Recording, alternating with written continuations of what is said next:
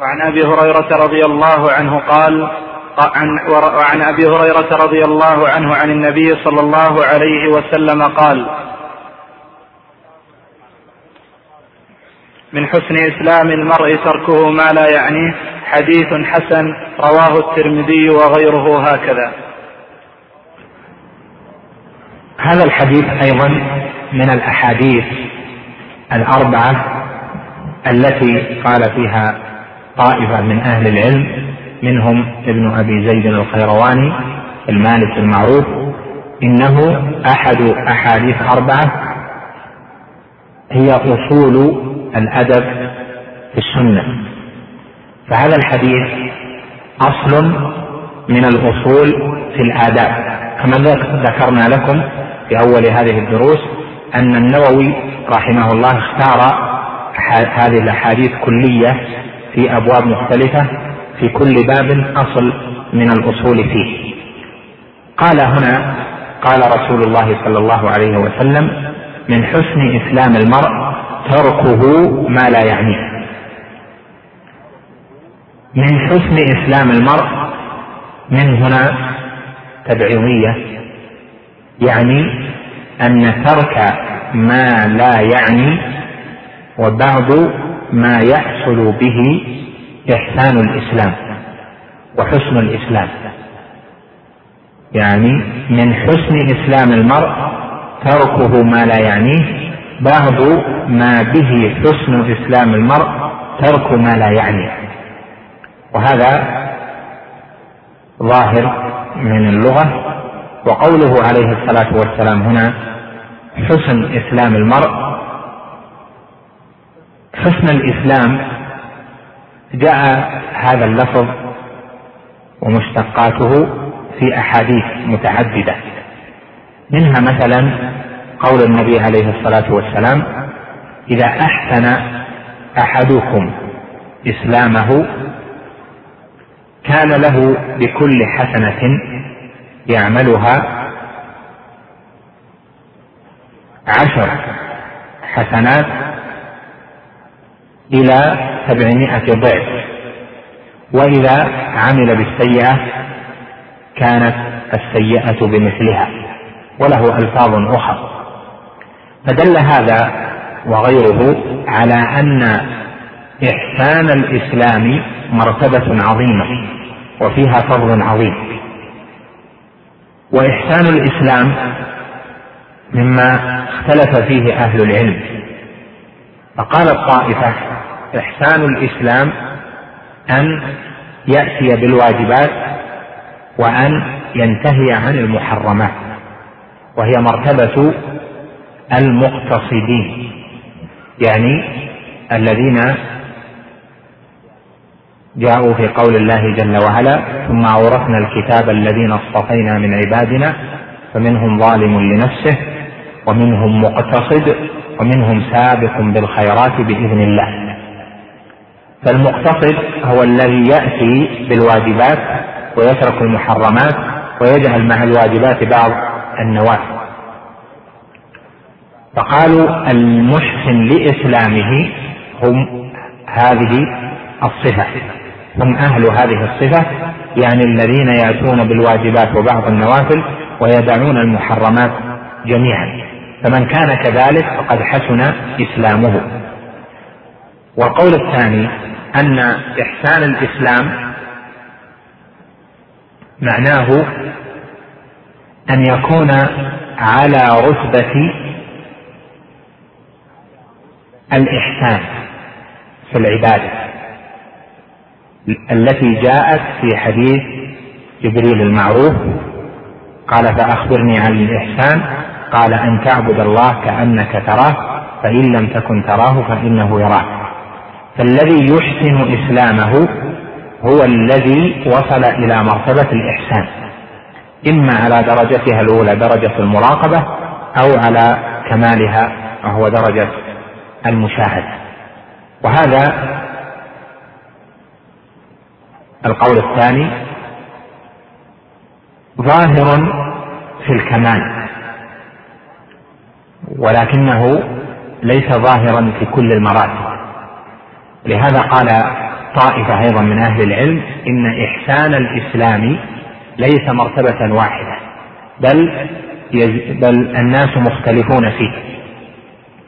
فبقدر إحسان الإسلام يكون له الفضل والثواب الذي أعطيه من أحسن إسلامه. فمثلا في قوله عليه الصلاة والسلام إذا أحسن أحدكم إسلامه كان له بكل حسنة يعملها عشر حسنات إلى سبعمائة ضعف. قالوا هنا عشر حسنات إلى سبعمائة ضعف. عشر حسنات لكل من أحسن الإسلام.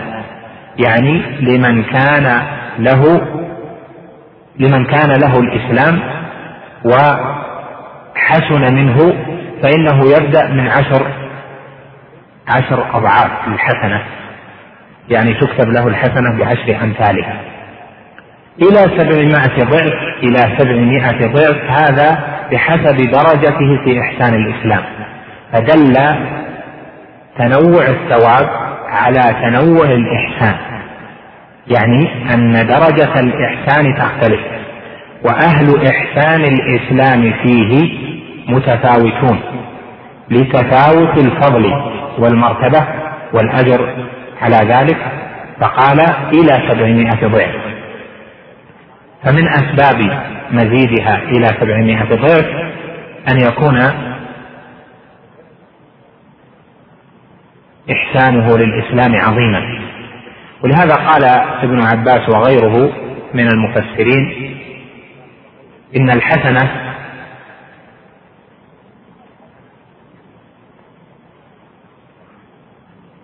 بعشر أمثالها لكل أحد يعني لكل مسلم.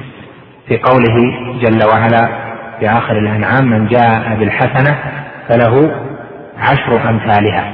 قال هذا لكل أحد. أما من أحسن إسلامه فإنه في قول الله جل وعلا وإن تك حسنة يضاعفها ويؤت من لدنه أجرا عظيما وهذا التقرير صحيح فإن الناس في إحسان الإسلام مراتب. وهذه المسألة مشكلة يعني لو راجعت الشروح كلام أهل العلم مشكلة لكن كلام أهل التحقيق الذين قرروا هذا يعني هذه المسألة بينوا أن إحسان الإسلام له مراتب فليس مرتبة واحدة وأن أهل المعصية يعني من ظلم نفسه ليس من أهل إحسان الإسلام. فقال من حسن إسلام المرء يعني هذا الفعل وهو ترك ما لا يعني من حسن إسلامه. وهذا ظاهر في المرتبتين جميعا فإن الذي يأتي الطاعات ويبتعد عن المحرمات فإنه منشغل بطاعة ربه عن أن يتكلف ما لا يعنيه. وأما أهل الإحسان في مقام المراقبة أو ما هو أعظم منها وهو مشاهدة آثار الأسماء والصفات في خليقة الله جل وعلا فهؤلاء منشغلون بإحسان العمل الظاهر والباطن عن أن يكون لهم هم فيما لا يعنيه. إذا تقرر هذا فما معنى قوله ما لا يعنيه ما هو الذي يعني والذي لا يعني؟ العناية في اللغة هي شدة الاهتمام بالشيء أو الشيء المهم الذي يهتم به. والذي لا يعني وليس لي به عناية هو الشيء الذي لا ينفع المعتني به يعني لا ينفع المتوجه إليه وليس له به مصلحة. ومعلوم أن أمور الشرع المسلم له بها عناية. وأن فقه الكتاب والسنة له به لكل مسلم به عناية يعني فيشتد اهتمامه بها. فاذا الاهتمام بما فيه فقه للنصوص هذا مما يدل على حسن إسلام المرء. قال من حسن إسلام المرء تركه ما لا يعنيه بالمفهوم أن من حسن إسلام المرء الاهتمام بما يعنيه ما لا يعني المرء المسلم من الأقوال التي ليس لها نفع له في دينه ولا في دنياه أو في آخرته أو في أولاه فإن تركها من حسن إسلام المرء. وهذا عام يشمل ما يتصل بفضول العلوم التي لا تنفعه وبفضول المعاملات وبفضول العلاقات ونحو ذلك. فتركه ما لا يعنيه في دينه فإنه هذا دليل حسن إسلامه يعني دليل رغبته في الخير لأن التوسع أو الإتيان ما لا يعني في العلاقات أو في الأقوال أو في السماع إلى آخره هذا ذريعة لأن يرتكب شيئا محرما أو أن يفرط في واجب وتفوته رتبة المقتصدين الذي التي هي أقل رتب أهل حسن الإسلام. أدخل الشراح أيضا وهذا واضح وبين وقد جاء في بعض الأحاديث أن من ما لا يعني المرء الكلام أو السماع كلام نطقا أو سماع الكلام. يعني أن من حسن إسلام المرء ترك ما لا يعنيه من الكلام سماعا أو نطقا. وهذا ظاهر بين لأن اللسان هو مورد الزلل. والأذن أيضا هي مورد الزلل. فاللسان نطقا محاسب عليه العبد. ما يلفظ من قول إلا لديه رقيب عتيد. وهذه الآية عامة. فإن الملك يكتب كل شيء. حتى الأشياء التي لا تؤاخذ بها. قال بعض السلف يكتب حتى أنين المريض. يعني ما حتى ما لا يؤاخذ به فإنه يكتبه وهذا هو الراجح لأنه يكتب كل شيء ولا تختص كتابته بما فيه الثواب والعقاب. وذلك لدليلين. الأول أن قوله من قول هذه نكرة في سياق النفي وسبقتها من وهذا يدل على التنصيص الصريح في العموم يعني الذي لا يتخلف معه شيء من أفراده البتة. ما يلفظ من قول فأي قول لفظ فإنه يكتب. والدليل الثاني أن تقسيم الأقوى تقسيم ما يكتبه الملك إلى أنه يكتب ما فيه الثواب والعقاب. هذا يحتاج له أن يثبت أن الملك الذي يكتب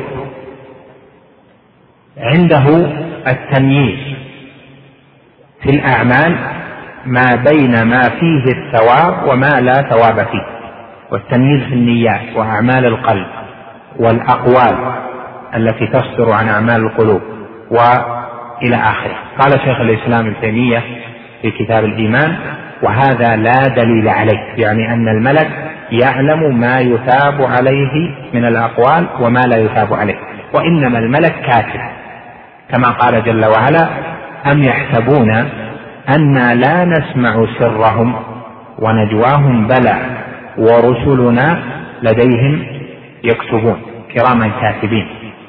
إلى آخره. دل هذا على أن ترك ما لا يعني في الأقوال وال في القول لفظا أو سماعا أن هذا مما يعظم تعظم به درجة العبد. لا خير في كثير من نجواهم إلا من أمر بصدقة أو معروف أو إصلاح بين الناس. فلهذا يظهر من الحديث عند كثيرين أن المراد به كما ذكرت القول أو السماع. فيدخل فيه إذا البحث عن أحوال لا تخصك أو لا تعنيك في دينك أو الحرص على معرفة الأخبار. أخبار فلان وش عمل وش سوى وقال وفعل وخبره مع فلان وش عندك من الأخبار وش, وش قالوا فلان والناس وش عملوا. ونحو ذلك فالاهتمام بهذه الأشياء بما لا يعني هذا مخالف لما يدل عليه حسن الإسلام.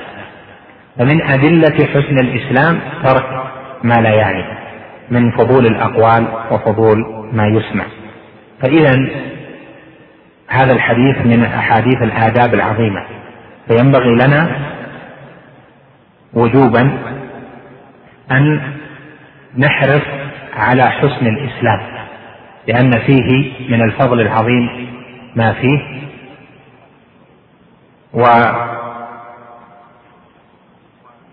ومن حسن الإسلام أن نترك ما لا يعني من الكلام أو السماع كلام الأسئلة التي ليس لها داعي يأتي يستفصل وتارة مع من هو أكبر منه. أو من قد يحرج باستفصاله وتدقيق في الأسئلة تجميع الأخبار عن الناس وهذا فعل وهذا ترك وهذا ذهب وهذا جاء إلى آخره والتحدث بها وتوسيع ذلك هذا كله مذموم ويسلب عن العبد حسن الإسلام إذا غلب عليه. ولهذا نقول في هذا الحديث وصية عظيمة في هذا الأدب العظيم من المصطفى عليه الصلاة والسلام فإن من حسن إسلام المرء أن يترك ما لا يعنيه ما لا يعنيه في دينه ما لا يعنيه في أمر دنياه ما لا يعنيه من الأقوال ومما يسمع أو مما يسمع وأشباه ذلك فإن في هذا الأثر الصالح له في صلاح قلبه وصلاح عمله. والناس يؤتون من كثرة ما يسمعون أو يتكلمون. ولهذا قال بعض السلف في أناس يكثرون الكلام والحديث مع بعضهم قال هؤلاء خف عليهم العمل فأكثروا الكلام.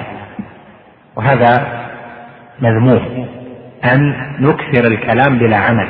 نجلس مجالس طويلة ساعة ساعتين ثلاث في كلام مكرر مدار لا نفع فيه. والواجبات لو تحملها كثير. تجد أنه يتوسع في مباح وربما كان معه بعض الحرام في الأقوال والأعمال ويترك واجبات كثيرة. وهذا ليس من صفة طلاب العلم. فطالب العلم يتحرى أن يكون عمله دائما فيما فيه نفع له يعني فيما يعنيه مما أمر به في الشريعة أو حث عليه وأن يترك ما لا يعنيه من الأقوال والأعمال الظاهرة والباطنة.